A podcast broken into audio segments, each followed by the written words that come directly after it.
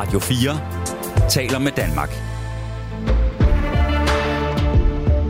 Velkommen til Kulturmagasinet Kres.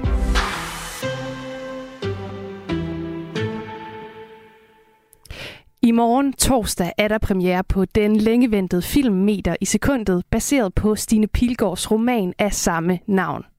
Det er så dejligt. Han skal i vuggestue. Jeg skal i gang. Der er noget, jeg lige skal sige til dig. Er du ved at gå fra mig? Jeg har fået tilbudt et job. Hvor er det henne? Så længe det ikke er i Jylland. Ja, jeg får besøg i dag af skuespiller Thomas Vand, som spiller filmens mandlige hovedrolle, og sammen så dykker vi ned i meter i sekundet fra hans karakters synsvinkel. Og så kender vi nok alle sammen sådan en her. Fedterød Ja, det er øh, Folkeklubbens gamle hit fra 2011, Fedterøv, som øh, der lige blev spillet lidt fra her. Men er den største fedterøv egentlig den, der prøver at smyge sig udenom at betale sin del af regningen på vennegruppens bytur? Eller er det måske den person, der sender en anmodning for den kop kaffe, som de oprindeligt ville give til deres date, men da der ikke blev en date nummer to, så ville de have deres penge igen? Ja, det kommer an på øjnene, der ser, fordi vores forhold til, hvad der er nærigt og gavmildt, det afhænger af en lang række faktorer, såsom alder og normer og social klasse. Og jeg taler med en adfærdsforsker om vores forhold til penge mellem mennesker i anledning af, at appen WeShare, som siden 2016 har hjulpet folk med at dele udgifter, fra i dag ikke længere kan benyttes. Og så har vi allerede talt rigtig meget om Stor Bededag i år. Måske mere, end man nogensinde har talt om den her helligdag. Og grunden til det, det er selvfølgelig, at regeringen har lagt op til at skrotte helligdagen. Men det er faktisk ikke første gang, vi har sagt farvel, eller måske skal sige farvel til en helligdag. Og sidst i programmet, der får jeg besøg af en øh, kirkehistoriker, som vil fortælle lidt om nogle af de tabte helligdage, såsom Hellig Tre Kongers Dag og Køndelmisse, som vi i øvrigt faktisk burde have fejret i morgen den 2. februar. Og vi skal kigge på, hvilke traditioner generationer, der gik tabt med dem. Men vi starter med at kigge, ud på, øh, kigge på kurser i inklusion, som øh, udbydes på Centralbiblioteket i Gentofte, og hvorfor de de seneste dage har givet anledning til opmærksomhed. Mit navn det er Rikke Kulin. Rigtig hjertelig velkommen til Kulturmagasinet Kres. Radio 4 taler med Danmark. I øjeblikket er der fokus på bibliotekernes rolle i at være inkluderende og repræsentative, når det kommer til deres bogsamlinger. Og mandag der kunne øh, Berlingske fortælle om en række kursusbeskrivelser for biblioteksansatte, som blandt andet skal give værktøjer til at gennemgå bibliotekets samling med kritiske briller, eller til at lave mere inkluderende regnbuebiblioteker. Og et andet kursus har til formål at give indsigt i racialisering, vidhed og privilegier. Og det er altså noget, der blandt andet har fået Dansk Folkepartis kulturordfører Mikkel Bjørn til at reagere, som ifølge Berlingske vil tage sagen op med den relevante minister. De her kurser de øh, udbydes på Centralbiblioteket i Gentofte, men de er en del af temasporet Kultur for alle, som øh, Centralbiblioteket i Roskilde er ansvarlig for. Og derfor så kan jeg nu byde velkommen til dig, Christian Laversen, chef for Roskilde Centralbibliotek. Velkommen til. Tak skal du have, Rikke. Hvorfor er det, Christian, at der er behov for bedre repræsentation og, øh, og mere inklusion rundt omkring på landets biblioteker? Jamen, det kan man jo også diskutere, om der er på det enkelte biblioteksvæsen. Øh, men generelt kan man jo sige, at Folkebiblioteket som en væsentlig samfundsinstitution når ud til et, et ret stort udsnit af befolkningen, hvis man kigger på de rene nøgletal og har vel cirka 38 millioner besøgende om året. Og er jo i sin essens øh, på mange måder en åben og inkluderende og, og mangfoldig institution i, i vores samfund, eller prøver i hvert fald på at være det. Men det er jo også sådan, at vi ikke alle sammen bruger biblioteket Øh, og det ville jo et eller andet sted måske også være et praktisk problem for os, hvis, hvis hele befolkningen gjorde det samtidig. Men derfor kan man jo godt være nysgerrig på de borgere, der simpelthen ikke synes, at et bibliotek er noget for dem, af den ene eller den andens årsag. Og det kan jo være på rigtig, rigtig mange forskellige niveauer. Altså det kan være en manglende handicapadgang til et biblioteksrum, eller hvis du har bøger, der, der ikke imødekommer forskellige stadier af læsefærdigheder. Og så handler det jo også lidt om, at Folkebiblioteket jo ikke lever i en osteklokke, men er en del af et, et samfund, der udvikler sig og forandrer sig over tid, og hvor det jo handler om at være hvad skal man sige, nysgerrig på, at hvad det er, der skal til, og hvad det er for nogle strømninger, der er omkring os, for at Folkebiblioteket kan være en reelt relevant samfundsinstitution i det samfund. Hvis vi lavede Folkebiblioteket i 2023, som man gjorde i 60'erne, så tror jeg formentlig, at man ville finde, at det ikke var så relevant, som det nu engang er i dag. Ja, så det handler også om at opdatere og holde sig øh, med tiden. Men er bibliotekerne i dag ekskluderende over for nogle grupper, og måske i virkeligheden også øh, uden at være klar over det? Ja, altså, jeg synes ikke, der er belæg for at sige, at det er bevidst ekskluderende i hvert fald. Øh, landets folkebiblioteker tror jo på, at de gør en forskel for det samfund, de betjener, og derfor gør de sig jo også helt vildt umage for at være noget for så mange som muligt. Men, men man kan også sige, at vores demografiske benyttelsestal også viser, at en, en meget stor del af dem, der benytter vores biblioteker i Danmark, det er typisk kvinder i 50'erne med en højere uddannelse. Og hvis man som biblioteksvæsen har en, en eller anden ambition om at være noget for nogen, der ikke benytter biblioteket i forvejen, kan det jo give en form for anledning til at kigge på, om man ubevidst, kan man sige, skaber nogle barriere, der gør, at folk ikke føler sig hjemme på et bibliotek, eller simpelthen bare ikke ser, at det er relevant at benytte den institution. Og du nævner, at det i høj grad er kvinder øh, over 50, som er, øh, er kernebrugerne af de danske biblioteker. Hvad er det for nogle grupper, der måske ikke er så gode til at benytte sig af bibliotekerne? Det er meget, meget forskelligt. Øh, i både altså, lokalt, kommunalt, regionalt og nationalt, hvad det er for nogle grupper. Og det afhænger jo også af, hvad det er for nogle indsatser, man gerne vil accelerere eller benytte folkebiblioteket i, i en lokal, kommunal og, øh, og, øh, og, og politisk kontekst. Øhm, så så det, det, det, kan, det kan have forskellige snit. Øhm, og et element i det er jo også, at folkebiblioteket er der, hvad skal man sige, når vi har behov for det. Det kan godt være, at du ikke synes, at folkebiblioteket er noget for dig, øh, men så bliver du far eller mor for første gang og finder ud af, at det er et dejligt sted at være sammen med dine børn, mens du er på barsel, eller et eller andet stil. Så det er jo et rigtig vigtigt aspekt på det. Men vi kan jo se, at mange, mange folkebiblioteksvæsener har en udfordring med for eksempel at få...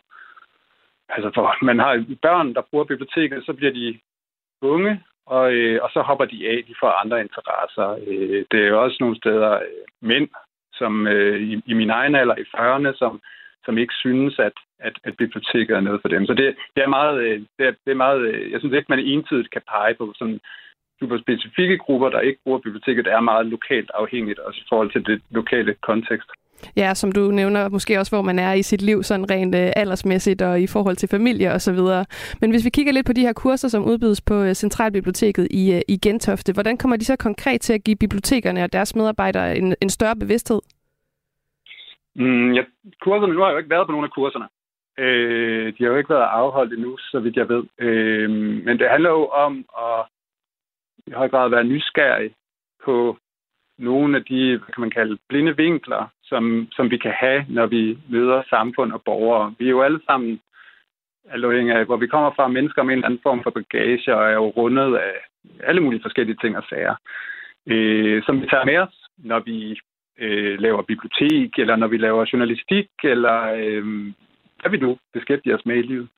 Øh, så kurserne handler om at skabe et eller andet rum, hvor man er opmærksom på nogle af de elementer, nogle meget specifikke elementer det her, ikke? Øh, som, som der kan være i vores, øh, i vores bagage, når vi går, øh, går ud og møder borgerne. Ja, og noget af det, som de øh, kritikere, der har været efter øh, Berlingskes artikel, øh, ligesom har reageret på, det er formuleringer om de her kurser i repræsentation og racisme og, og læring i racialisering, vidhed og privilegier, øh, på trods af, at det jo kun er kursusbeskrivelser, og kurserne de ikke er, er, afholdt endnu. Hvorfor er det, folk reagerer på de ordvalg? Det er et vildt godt spørgsmål. Øhm, altså, ordvalget kan jo man kan jo kigge på det på forskellige måder. Øh, ordvalget er jo ikke grebet ud af den blå luft og skabt til lejligheden. Det er jo rundet af forskning og debatter og en, en ret stor opmærksomhed på nogle af de her ting. Så det, det er jo den ene ting, der ligger til grund for, at man har valgt de her begreber. Øh, man kan jo, altså, jeg, jeg tror, det vi møder er, at hvorvidt vi som samfund og individer er givet til at tage sådan nogle begreber til os i Danmark. Altså det, det synes jeg jo, man kan... Altså vi er ikke vant til, tror jeg. Og jeg sidder ikke tit til øh, middagsselskaber og drøfter begrebet vidhed øh, eller racialisering. Og, og der, der, der møder vi jo tydeligvis en reaktion. Øh, og det er man gjort igennem hele verdenshistorien, når der er noget, der er nyt, eller noget, der er fremmed, eller noget, der kan tolkes på en bestemt måde. Øh, det, er ikke, det er ikke første gang, at det sker. Øh, og det man jo altså på den ene side må være bevidst om, det er jo, at det ikke er grebet af den blå luft. Det er, man kan mene om, hvad, det, hvad, man, hvad man vil på den ene eller anden måde. Det er, jo, det er jo op til den enkelte, men det er jo ikke grebet af den blå luft. Det er, det er, det er velfunderet i, i, i forskningen og i, i den offentlige debat. Øh, jo nok primært i, i USA, hvor det har været fremme noget længere i Danmark. Så det, det er den ene indfaldsvinkel. Den anden indfaldsvinkel er jo, at vi at det, det er vi tydeligvis ikke, ikke, ikke helt vant til at drøfte på det niveau, og vi risikoen er jo, at vi forholder os til begreberne eller ordene, og ikke dykker ned i substansen, eller det, det skal kunne på en eller anden måde. Ikke? Så det, øhm, det, det, jeg tror, det er det, vi, vi, vi ser i. Jeg tror, det er den reaktion, der ligesom kommer. Og så tror jeg også, at reaktionen handler jo om en kæmpe stor opmærksomhed, også i Danmark, om øh, noget, der handler om repræsentation og identitetspolitik osv., som jo ikke er biblioteksanlæggende alene, men jo er noget, vi har drøftet i noget tid efterhånden, og som jo, hvad man sige, deler vandene på en eller anden måde. Ikke? Og når der er noget, der deler vandene, så kommer der også en reaktion. Ja, og du nævner lige, øh, hvad skal man sige, diskursen i USA, den vender vi også lige tilbage til bagefter. Men Berlingske, de skriver, at de har set de her kursusbeskrivelser som en del af det her temaspur, der hedder Kultur for alle. Og de skriver, at øh, bibliotekerne de får øh, værktøjer til at gennemgå deres bogsamlinger med kritiske briller for at øge mangfoldighed og repræsentation i, i, i de her kurser. Og den her formulering med at gennemgå bogsamlinger med kritiske briller, er det et spørgsmål om, at bøger de skal til eller fravælges ud fra politiske eller moralske hensyn, eller hvorfor er det, man vælger at formulere det sådan? Nej, det er det ikke. Øh, og det er jo hvad kan jeg sige, lidt at gribe et begreb, den kritiske brille, og så synes jeg, at man måske har gjort det til noget, det egentlig ikke var meningen at skulle være. I hvert fald tolket det på en meget bestemt måde. Øh, man kan altid diskutere, om det er det rigtige begreb at bruge i konteksten, men nysgerrighed på en samling kunne være et, øh, et, et andet et indfaldsvinkel på det på en eller anden måde. Ikke?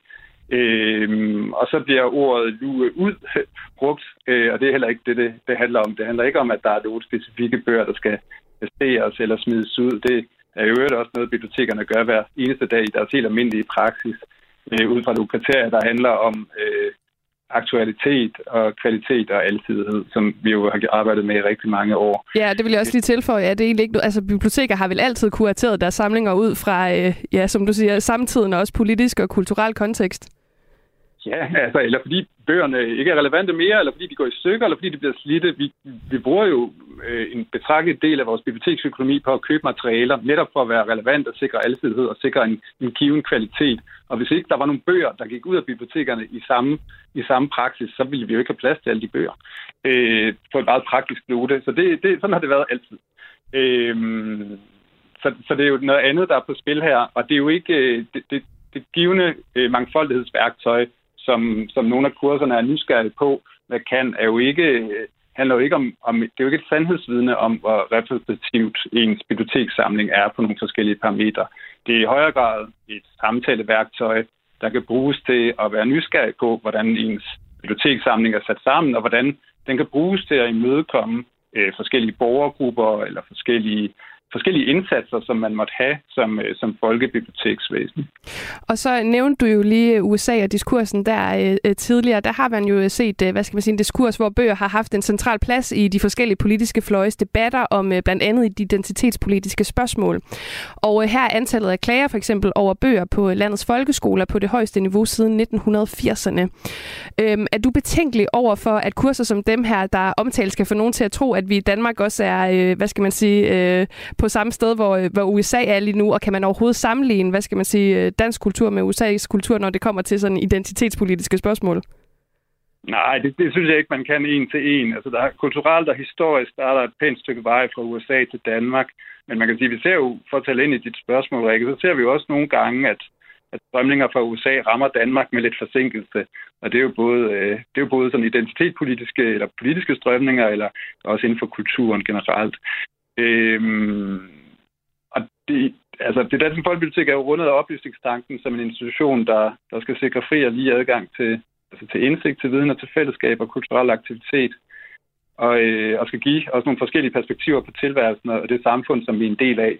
Og øh, altså, jeg er ikke bekymret på Danmarks vegne om, at, at det formål, det skulle hvad skal man sige, blive komplementeret af, at vi begynder at have hæftige snakke, enten på lokalt, kommunalt niveau eller nationalt niveau, om hvad det er, der må stå på hylderne. Det tror jeg, at vores demokrati er for stærkt til. Jamen altså folkeoplysningen længe leve. Christian Lausen, chef for Roskilde Centralbibliotek. Tak fordi du var med her i Kreds for at gøre os klogere.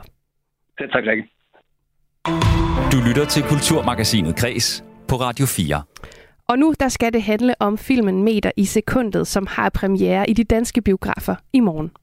Det er så dejligt. Han skal i vuggestue. Jeg skal i gang. Der er noget, jeg lige skal sige til dig. Er du ved at gå fra mig? Jeg har fået tilbudt et job. Hvor er det henne? Så længe det ikke er i Jylland. Ja, og må det ikke var det. Her hørte vi lige et lydklip fra filmen. En uh, scene, som faktisk kickstarter hele handlingen. Det er nemlig, da den mandlige karakter Rasmus fortæller sin uh, kæreste Marie, at han har fået et job på en højskole i Vestjylland. Og dig, der spiller Rasmus i filmen, det er dig, Thomas Vand. Velkommen til. Tak for det. Mange kender dig jo blandt andet fra DR-serien Bedrag, eller måske Viaplay-serien Den, som dræber, eller komedien, hvor kravene vender. Der er nok at, at vælge imellem. Men i meter i sekundet, der spiller du jo over for Sofie Torp, som ja. uh, spiller Marie her. Og øh, den bygger jo på Stine Pilgaards øh, bog af samme navn, og hvis jeg bare lige sådan skal rise kort op for lytteren, der måske hverken har øh, læst bog eller set film endnu, så handler det om, hvordan en kvinde flytter med kæreste og barn til den vestjyske lille by Velling. Her har han nemlig fået job på en højskole, og mens han bliver hævet ind i fællesskabet, så kæmper hun altså med, sådan lidt med at finde ud af, hvordan man taler med folk og kører bil blandt andet, og så stalker hun også Anders Akker. Og der er blevet øh, talt og skrevet rigtig meget om både bog og film, men det er jo også ofte fra en vinkel, hvor vi dykker ned i den øh, kvindelige hovedkarakters, hvad skal man sige, øh, rolle i øh, den her bog. Men i dag, Thomas, så har jeg jo besøg af dig. Ja. Så nu vender vi det så lidt på hovedet og taler ind i hele filmen fra din øh, karakters vinkel. Og øh, du spiller jo Rasmus, og øh, ham beskriver du jo som for det første super rummelig og fyldt med den der måske lidt naiv form for kærlighed. Hvad ja. er det, du mener med det? Ja, men lige præcis. Altså, det er jo... Først og fremmest er det jo en fyr, der øh, ikke har nogen bagtanker i sit liv, tror jeg. Fordi hvis man præsenterer det der for sin kæreste på den måde at sige, øh, jeg synes, det kunne være en god idé at tage en tur til Vestjylland, øh, så har man jo sagt det så direkte, man kan. Øh, ja. Ja, jamen altså, han er jo også super rummelig, men jeg sidder næsten og tænker, er han også lidt kedelig? Ja, er det korte svar, hvad er det lange? nej, nej, han er ikke kedelig, tror jeg. Jeg tror virkelig, de har det. De, de passer jo vildt godt sammen, ikke? Altså, fordi der er noget umiddelbart og noget... Der strømmer jo, øh, hvad hedder det... De er jo intellektuelle også på hver sin måde, ikke? Øh, så nej, men måske kedelig i den der forstand, at øh, alt det umiddelbart handler jo også om, hvordan de der kasser passer for ham, ikke? Mm. Øh, og nu har det lige passet med de her kasser med at flytte til Vestjylland.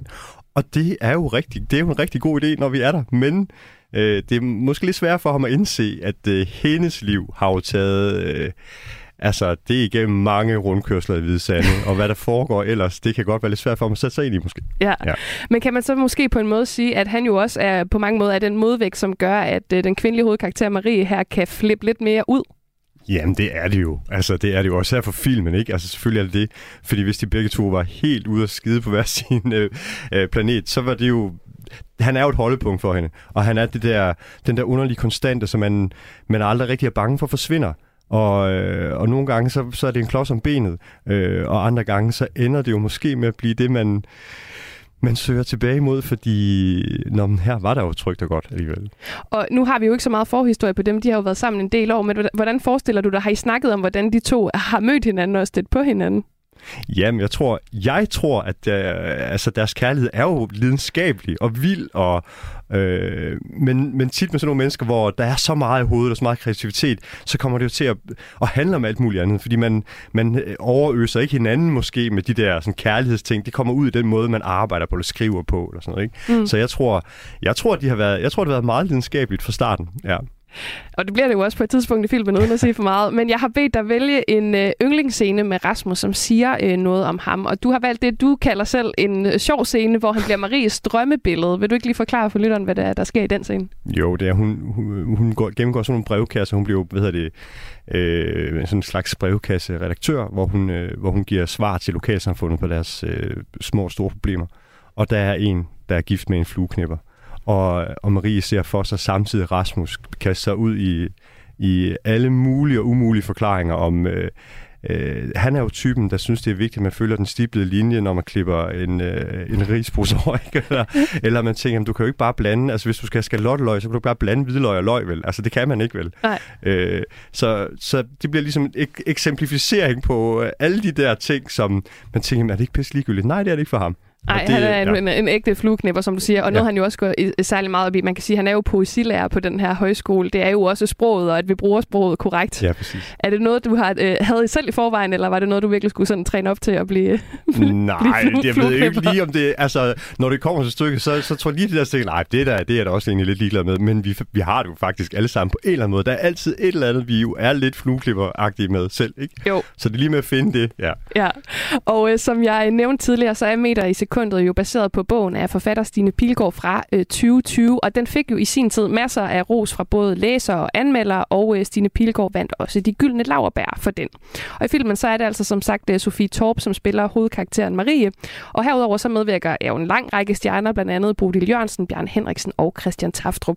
Og så er den instrueret af Hella Juf, og øh, den fokuserer jo blandt andet på de her sådan, små kulturelle, eller måske store kultur, kulturforskelle, der kan opstå, når man kommer til en øh, by i Vestjylland. Og den er jo faktisk blevet kaldt en form for integrationskomedie, fordi Marie her, hun kæmper lidt med at finde den her plads i det vestjyske samfund. Det har Rasmus jo så til gengæld nemmere ved. Hvad er det, der gør, at han kan det, og hun ikke kan? Jeg tror, det er det der ukomplicerede forhold, man har til, øh, hvor man, hvor man bliver sat. Ikke? Altså, hvis man, øh, hvis, man ref, hvis man reflekterer utrolig meget over, hvordan jeg, jeg kan kun leve mit liv, hvis jeg kan være fri for leveren, eller, øh, og det er jo ikke, fordi hun lider af det, men hun er bare sådan. Sådan er han ikke. Altså, han er jo det modsatte. Han tænker, kasser, bokse, yes, fedt, jeg ved, hvad jeg skal. Det kan, og han er jo forfatter, så lige pludselig træde ind i fællesskab, hvor folk de ser ham, og han kan tale med folk om det, han øh, synes er fedt. Det, det er jo ikke, det er jo ikke, det er jo de meget få kredse, man kan det med forfatter, ikke? For det, det er sådan meget lidt indspist også, ikke? Ja. Men, øh, og, og hun er jo det samme, men, øh, men har bare ingenting. Hun har sin lille søn, og en tur ned til købmanden. That's it. Og hvad er det så for en... Øh, jamen, kærlighed er jo... Ja, lad os bruge det ord, mellem, at der er mellem dem i det her, for du beskriver netop det der med, at han falder jo ind i, i fællesskabet, og hun har så rigtig ingenting i, i den her tid. Hvad er det så, der gør, at der, der stadig er kærlighed mellem dem?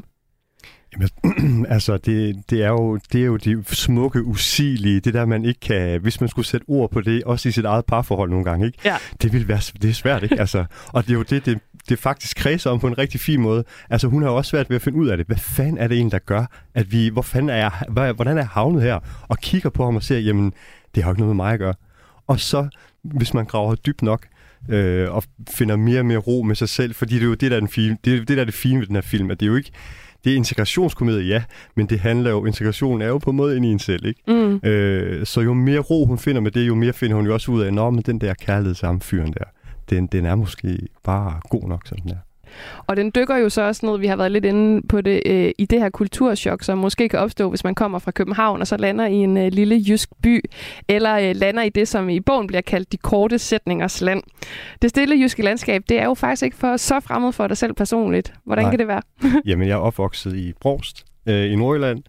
Øh, det er jo på mange måder fuldstændig lige det her samfund. Øh, og det er jo smukt, fordi alt har en funktion, alle kender alle, og det er jo en floskel, men sådan er det, det er virkelig rigtigt, ikke? Og kunne du bruge noget af det i forhold til også at, at falde ind i den her rolle i filmen? Ja da, selvfølgelig, fordi det der, hvis, man er jo nødt til at åbne sig for, når man flytter et nyt sted hen, ikke? Og, og alt det, der rammer ind med naturen og øh, viderne og perspektivet i folk, der er jo bare anderledes på en måde, det, det klinger jo bare lidt, øh, det klinger jo naturligt, når man er vokset op med et sted. Jamen, jeg er selv fra Vestjylland, så jeg kan også Yes. genkende det rigtig meget. Vi tager også lige et lille klip fra filmens øh, trailer igen, hvor Rasmus og Marie de bliver budt velkommen på højskolen. Jamen, øh, jeg vil bare gerne bede jer alle sammen om at byde velkommen til Rasmus og Marie. Rasmus og Marie! Her bag!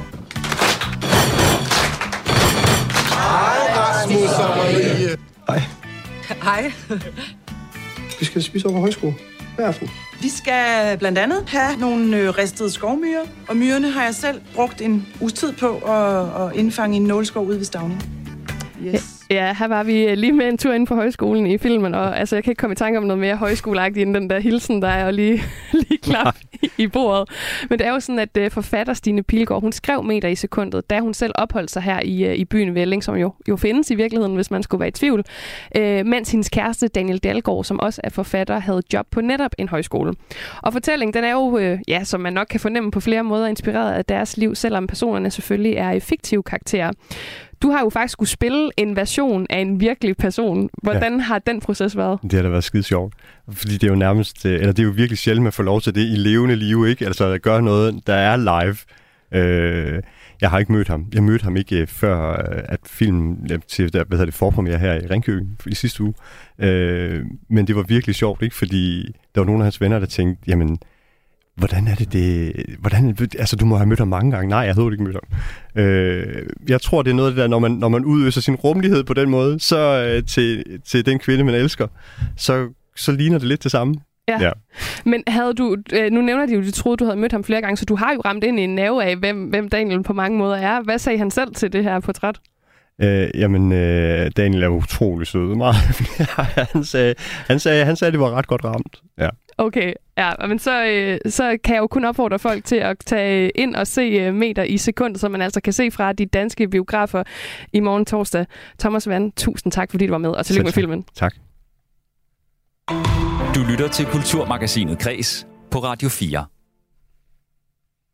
Oh, we could split the bill if you like. No, no, no. I can whip out a, a calculator and we can. No, no, okay. You need to. How many glasses of wine did you oh, have? oh, sure, like, sure. Like three Shut more, up. right? Okay, that's not what I mean. That's not what I mean. Yeah. I think it all evens out, you know? Ja, vi har alle sammen prøvet det, som øh, hovedpersonerne Jaja og Karl her i Ruben Østlunds film Triangle of Sadness, nemlig at have en diskussion om, hvem der tager regningen, eller hvordan man deler den, når middagen er over. For penge mellem mennesker, det har altid været øh, årsag til konflikt og uenighed, og forståelsen af, hvornår man er retfærdig, nærig eller gavmild, det kan afhænge af øjnene, der ser.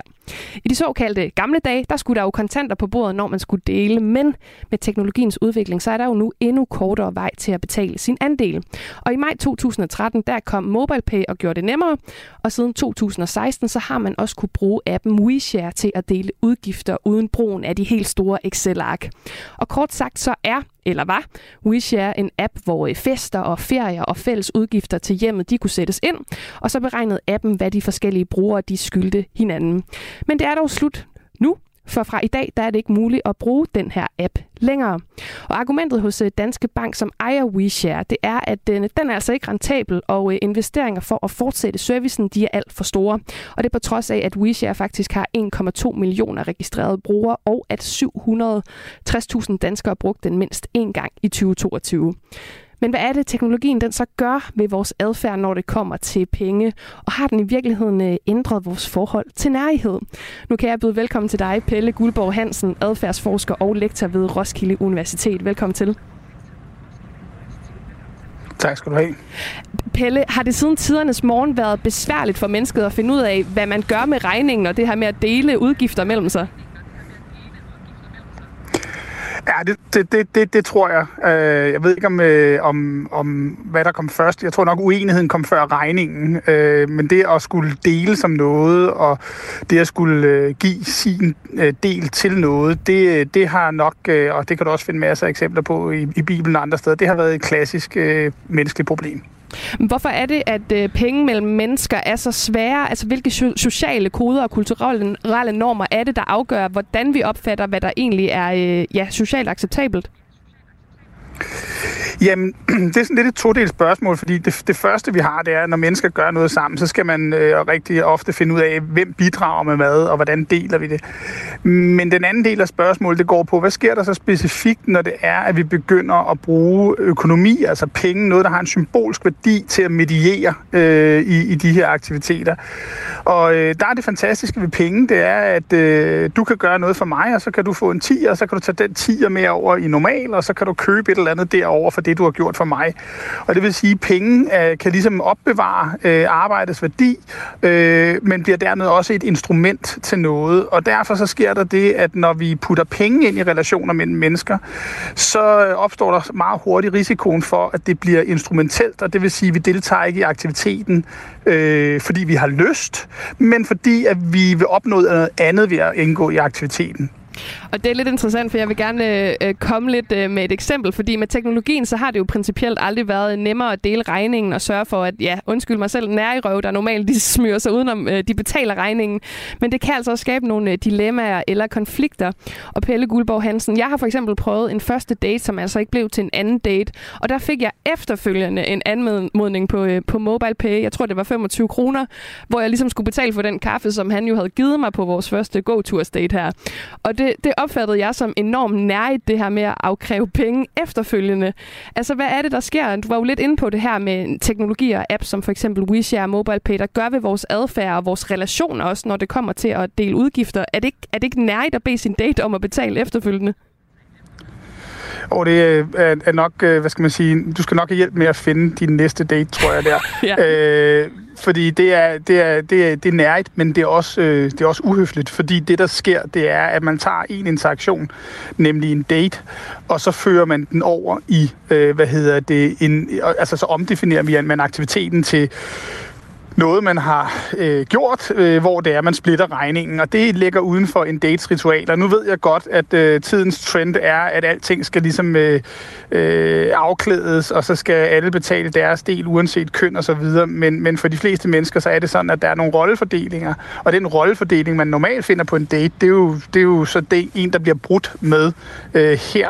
Og så bliver man nødt til at stille spørgsmålet, hvorfor er det, at du vælger at omdefinere situationen, og øh, det vil nok blive taget som jeg vil måske ikke engang sige nærhed, men her der er der nok tale om en form for, hvad skal man sige, øh, øh, dårlig opførsel, øh, hvor det er, at man forsøger at straffe den, der ikke har vil øh, måske tage på den næste date. Vi dykker altså også øh, lidt ned i konsekvenserne ved at være en, øh, ja, måske var det ikke så meget fedterøv i den her sammenhæng, som det var en, der, øh, der straffede en anden, men øh, Folkeklubben, de hittede tilbage i 2011 med øh, den her sang. Vi skal lige høre lidt fra den. Når taxaregningen blev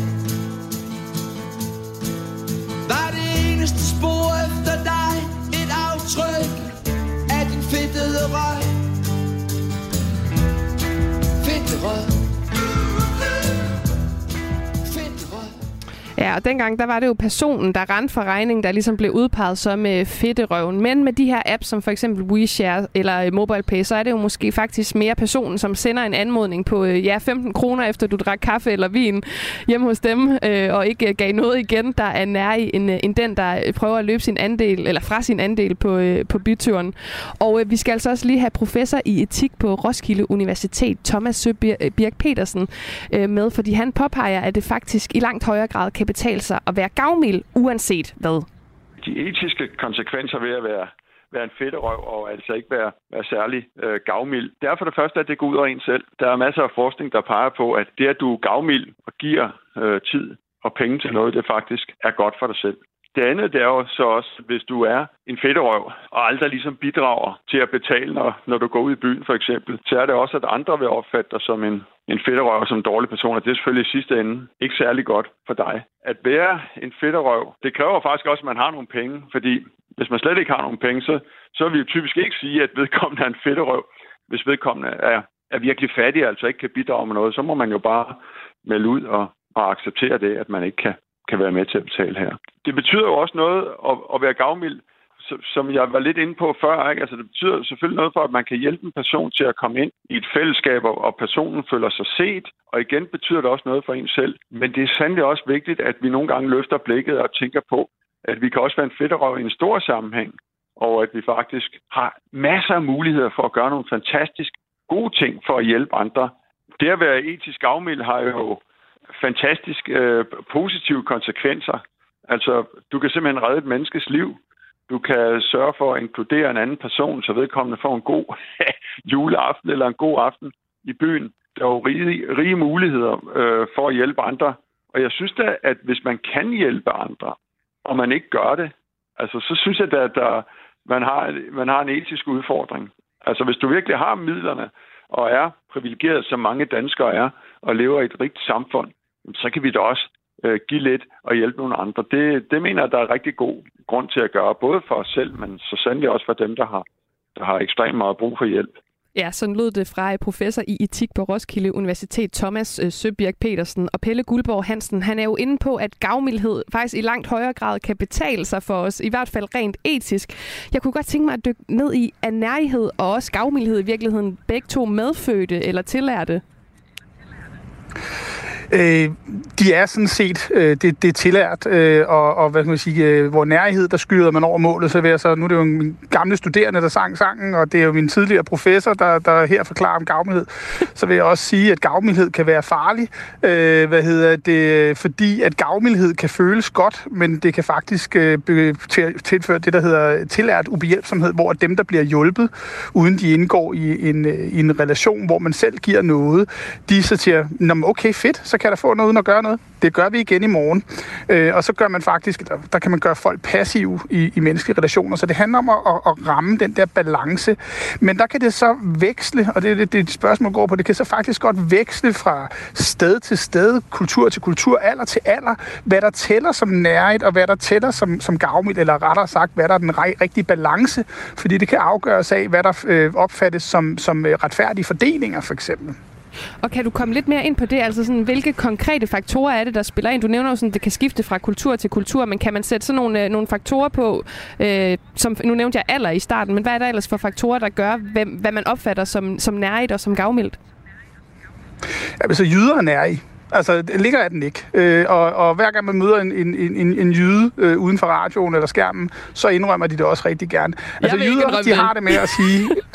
Nej, det ved jeg, men vi er også på radio. Du gjorde det den anden dag, da vi snakkede. Ah. Hvad hedder det? Øh, men ej, men det, det, der er ved det, det er, at, at der er nogle steder, hvor det er, man er lidt mere påpasselig og lidt mere påholden, og man ikke bare øh, øsler om som en ting. Øh, og det vil sige, at man kan være påholden, der kan man jo så også blive opfattet som nærig, hvis man møder en anden kultur, hvor at øh, der er en, øh, hvad skal man sige, øh, en, en praksis for at føre sig lidt frem, og dermed også være gavmild. Fordi ved at være gavmild og sådan sige, jeg betaler bare, så øh, kan du også vise og signalere, at du har, du har ressourcer og, og, og, og goder. Og derfor, når en københavner og en jyde drikker en kop kaffe, så kan det godt ende lidt dårligt. Ikke? Øh, fordi at, øh, at øh, hvad hedder det, københavneren måske gerne vil, vil, vil, vil føre sig frem, og det har jyden det fint med. Øh, og så går de hver til sit, og så tænker jyden, jyden. Københavnerne er kraftet med stor i munden, ikke? og københavnerne tænker, hold kæft, den er i røv. Og, og øh, hvad hedder det, der ser vi altså de her steder, når det også går ud over det nationale, altså hvor det er, at der ligger i forskellige kulturer, forskellige måder, man anser det at skulle fordele noget. For eksempel, hvornår... Øh, en person bliver myndig og forventes at deltage fuldt ud øko- i et økonomisk fællesskab, for eksempel hvis man har en tur, øh, man rejser afsted på sammen, jamen så kan man også se for eksempel over tid, at det ændrer sig lidt fra, at når du blev 18, så skulle du altså også betale til huslejen derhjemme eller noget andet, ikke? Og, og i dag så er du 40 år, og dine forældre betaler stadigvæk, når du tager ud og rejser. Øh, og der, det vil sige, at de her grænser, de ligger hele tiden og bliver forhandlet mellem kultur, mellem øh, tider, der ændrer sig, mellem aldersgrupper, og derfor så er de et meget dynamisk felt. Og vil det også sige, at øh, nu nævner du det her med, at øh, ja, både nærheden og jo egentlig også gavmildheden, de er tillærte. Kan man så også ændre sin adfærd og, og med tiden også lære, altså sådan i virkeligheden aflære at være ja, enormt nær og blive bedre til at, at give og være, være mere gavmild? Ja, altså det kan man, og man kan også øh, lære at være mere påholdende, øh, og det kommer meget an på, hvad man ser omkring sig, hvad man ser, der fungerer. Øh, hvad hedder det? Øh, gavmighed og nærhed, det er jo ikke kun øh, økonomi, det er også i tid, altså hvor meget man investerer tid i andre mennesker og i fælles projekter. Og der kan man altså se, at det afhænger utrolig meget af, hvem man er sammen med, og det er jo netop også det, der viser, at, øh, at der er tale om, om, øh, om nogle sociale øh, normer.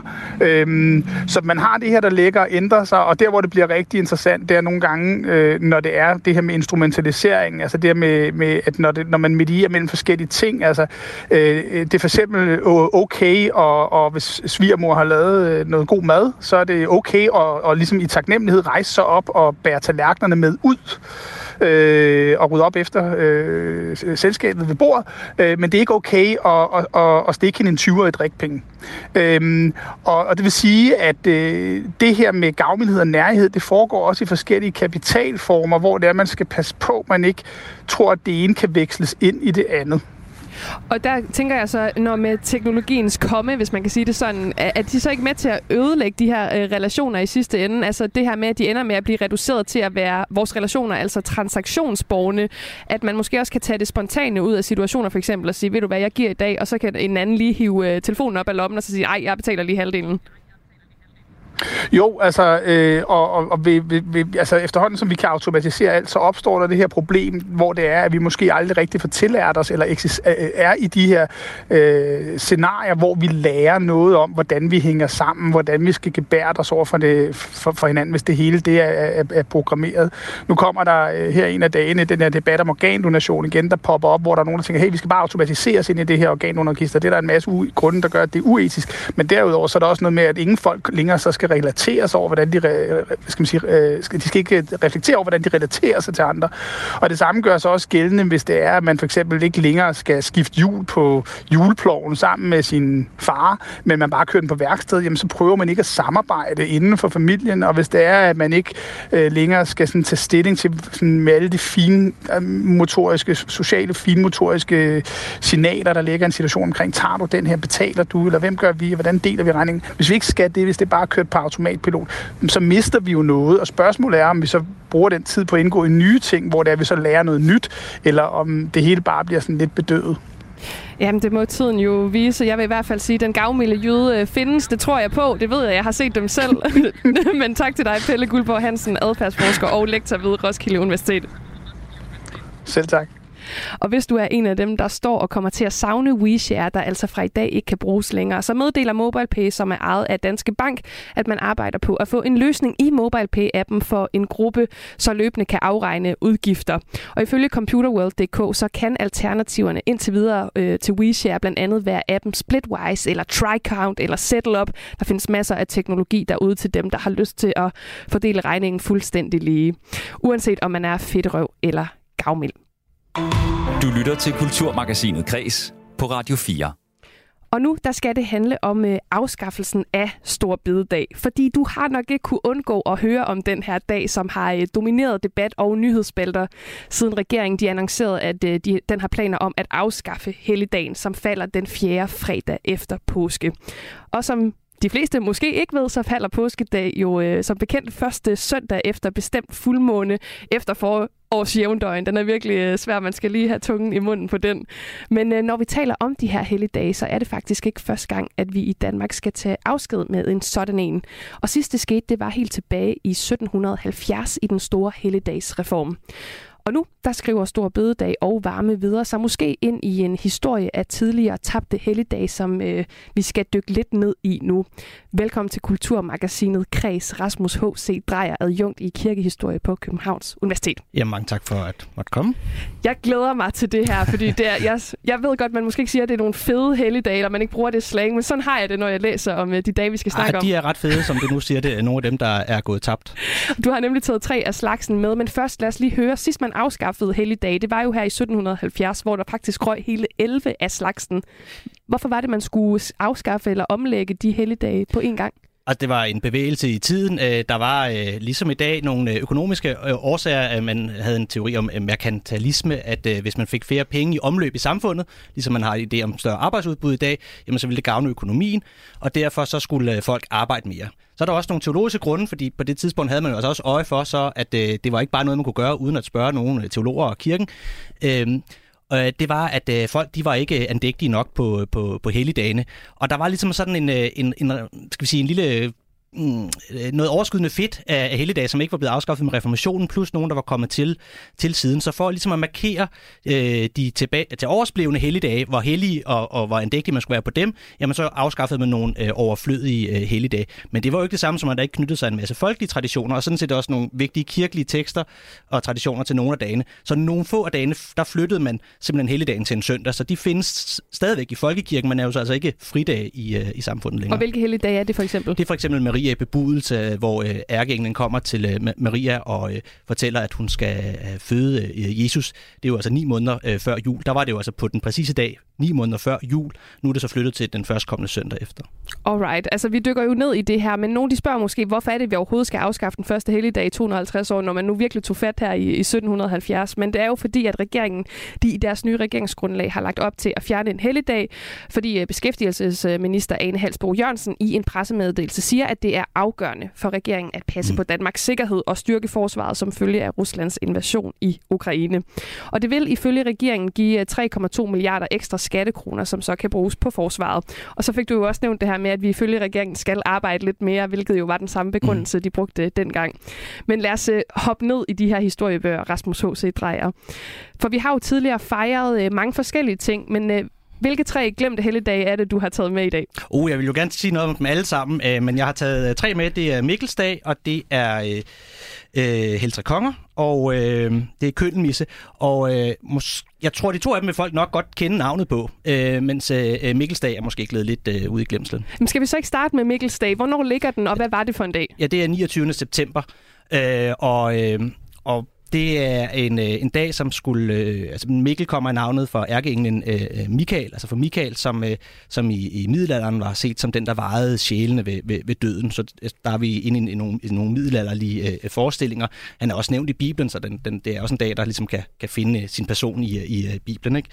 Øhm, men den, den var... Øh, den var øh, en dag, som, øh, som også var forbundet med høst. Altså den ligger jo der i september, øh, og, øh, og derfor så var der ofte høstgudstjeneste på den her dag. Det var også skiftedag, når man øh, havde en plads på en, øh, på en gård, øh, og det var også terminsdag for at betale tiende, altså datidens øh, øh, kirkeskat. Så det var en ret vigtig dag, sådan, hvor det det så også var, derfor også var knyttet øh, øh, altså fester, for eksempel, altså Mikmas-gilde, altså og Mikkels-gilde, ja. øh, markeder, Døllefjælde, Musemarked, kender man måske, fordi det har også været fremme her i Stor Bededags, øh, Stor Bededags debatten, fordi det måtte man jo flytte på et tidspunkt, fordi mm. det lå på Mikkelsdag, og derfor blev det flyttet til Stor Bededag, eller, eller i Stor Bededags weekenden, altså i nyere tid, da det blev genoptaget, men nu skal det jo så måske flytte igen, hvis Stor Bededag så ryger, ja. ikke? Øh, og det er fordi, de her store markeder har jo ofte en, en, en, baggrund i en, i en kirkelig tradition, øh, en folkelig kirkelig tradition fra gamle dage. Øh, så der var de her kæmpestore øh, høstfester dengang, og høstfest mm. kan man jo stadig se rundt omkring, uden det er øh, helligdage. De, ja. de hænger jo ved, men øh, hva, hvordan fejrede man det? Altså, nu havde vi jo, vi har jo øh, beder, øh, beder, beder på stor bededag. Hvordan, hvad spiste man? Hvad drak man? Altså, der er forskellige øh, øh, overleveringer, og det har været, meget, det har været forskelligt øh, fra sted til sted, hvad man har spist. Altså, nogle nævner kommensbrød, andre nævner gåsesteg og så videre, så vi kan høre, at det er en, det er en, særlig, det er en særlig dag, og, og ofte har man jo i Danmark fejret aften før. Øhm, og, og det gælder også, det gælder også Mikkels, øh, Mikkelsdag. Øh, men høstfesten, Mikkelskildet, er jo det store, og det er, som du siger, det overlever jo alligevel. Og høstgudstjenesten overlever jo også i, øh, i øh, altså det findes jo stadigvæk i folkekirken, og det er ofte sådan i september, og man tænker sådan, er det ikke lidt sent i forhold til høsten? Nu er det også noget med i dag høster man tidligere end før, ja. men det er jo fordi, den ligger der i slutningen af september, øh, fordi det egentlig øh, hører til Mikkelsdag, så det er altså, den er jo er, den er jo overlevet sådan kirkeligt, og, og der, høstfesterne findes jo også øh, øh, stadigvæk, øh, men, men forbindelsen til Mikkelsdag, den er jo så forsvundet. Og så nævner du de to andre, det kan være nogen, som øh, folk har hørt før. Jeg må jo sige, at jeg har hørt ordet køndelmisse helt utrolig mange gange, men jeg har så aldrig lige fået styr på, øh, hvad det er. Ja, det er jo i morgen. ja, det er jo nemlig i morgen den 2. februar, ja. at der er køndelmisse, og vi kunne måske have haft en heldig dag, men hvad er køndelmissen egentlig? Altså køndelmisse er et gammelt dansk ord, som er sådan en forvanskning af latinsk, den latinske betegnelse, øh, øh, altså kandelabermisse, altså kandelabris, det er en lyses, lysfest vil man jo sige på dansk, en lysmesse, en lysestage-messe. Øh, og det, det, det navn har rod i øh, øh, to ting, altså både, skal vi sige, øh, øh årets gang, det er midvinter, det er altså midt, midtvejs mellem øh, vinter og, og forår, som, som starter på en anden helligdag, som er afskaffet i reformationen, Voldersmisse 1. maj, Øhm, så det, der, er vi, der er vi halvvejs. Øhm, så lyset er ligesom kommet lidt mere tilbage, men så var det også den dag, man indvidede lysene i, øh, i kirken. Den bibelske begrundelse, det, og det er også det, dens officielle navn var i øh, kirkekalenderen øh, i, i, indtil 1770, det var, øh, det var Maria Maria Renselsesdag, fordi det ligger 40 dage efter, øh, øh, efter Jesu fødsel, og, øh, og øh, der kom øh, Maria i, øh, i templet øh, med Jesusbarnet og præsenterede Jesus øh, i, i, i templet for, for Simeon. Og det var også, en, et fuldstændig glemt ritual, øh, noget som er gået i brug i slutningen af 1700-tallet, løbet af 1800-tallet, at hvis man havde født et barn som kvinde, så skulle man jo, så var man uren i 40 dage, så først efter 40 dage kunne man blive præsenteret i kirken igen. Så på den måde har den jo både haft en bibelsk ræson, og den har også haft en, jeg skal sige, en ræson i folks øh, liv, plus at den så knytter sig til altså årets, øh, årets gang i, øh, i øh, almindelige menneskers øh, liv. Og hvordan har, øh, er der noget fra køndelmissen, vil jeg i virkeligheden spørge om, som har overlevet den dag ja. i dag? Altså, hvordan kan vi se altså, det i dag? Bor, jeg bor i Sorø, og der har, vi, der har været øh, kulturnatten hedder Lysfest og køndelmisse. Det bliver bare kaldt for køndelmisse, det, her, det var jo her i lørdags. Altså, så der, der findes rigtig mange steder, hvor der er sådan en eller anden lysmarkering, lysfest. Mange kirker holder øh, lysgudstjenester i, i, øh, i, altså her i starten af februar. Øh, så, så den findes, øh, findes i kirken. Der er måske også nogen, der vil kende traditionen med at spise pandekager en af det flæskepandekager, man skal spise, eller flæsk med pandekager, for, for man sådan, det er sådan en fest, hvor man, man skulle gerne sådan kunne se på sit lager af mad til vinteren, og nu har man halvdelen tilbage, også fodret til dyrene.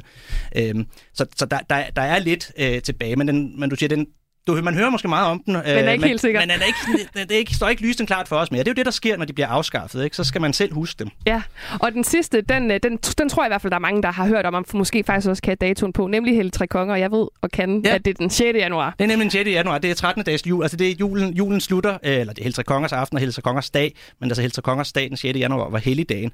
Og, øh, og hvis man læser Peters jul op derhjemme ved, ved jul, så vil man også vide, at det er der julen slutter. Øh, og, og nogen lader jo juletræet stå helt til Heltre Konger, og så skal, det, så skal det ud. Og det, det er jo også noget, der tydeligt markeres i, i kirken, at man skifter fra juledagene, så nytåret, og så får vi Heltre Kongers øh, gudstjenesterne. Øhm, og det knytter sig også en, en, en del øh, folkelige traditioner til.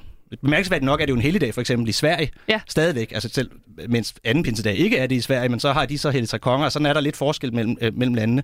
Men de folkelige traditioner, øh, øh, har været meget store. Altså, det har været en, en udklædningsfest, en, øh, altså en maskeradedag, øh, øh, og det findes på, altså, skal vi sige, kanten, ikke? Af, af, på de små øer På de små øer, ikke? Det ja. findes Agersø og Omø. Jeg har selv været præst derude i Storebælt.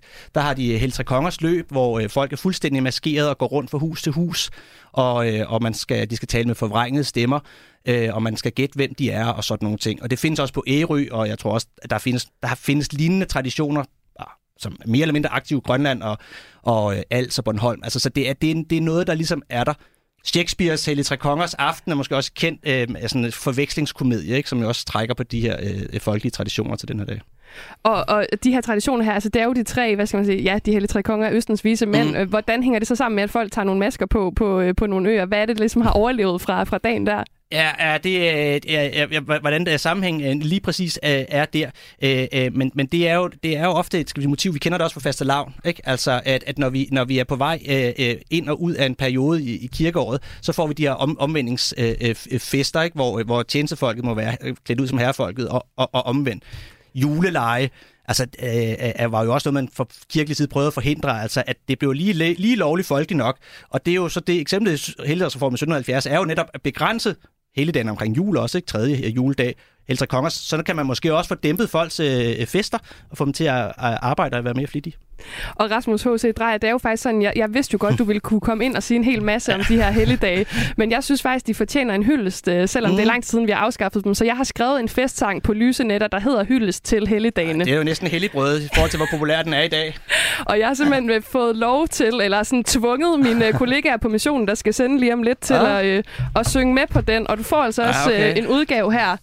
Og altså, den er jo lidt langsom i det, men øh, jeg har fundet en udgave af, fra højskolesangbogen, som der er en lille smule tempo på, så I prøver bare alle sammen at, øh, at følge med. Hej Tony mm. og Amalie. Hej. Hej.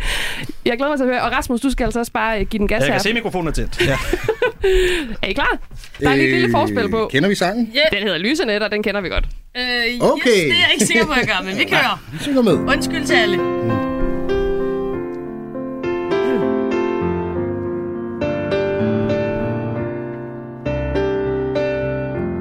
Er I klar? Kommer nu. Ja. Nu synger vi en hyldesang. Til helligdag, der var en gang. Den er lidt høj. For kønnelmissen, den var lysets fest. En fakkeltændingsmess Og Mikkelsdag dengang betød Lidt kom en kringler og noget mjød og hyld den ærkeengel kendt som Michael, ja, det var hans dag. Det var jo her, de hellige dag. Er ikke tilbage, men sang de skal få her i dag. Så går vi lidt videre. Og Kasper, Melchior, Balthasar hellig tre konger engang var. De vise mænd, der kom fra Østerland og Jesu krybe fandt. Nu er det muligvis forbi. Med varme videre, det fordi at ingen dage de er hellige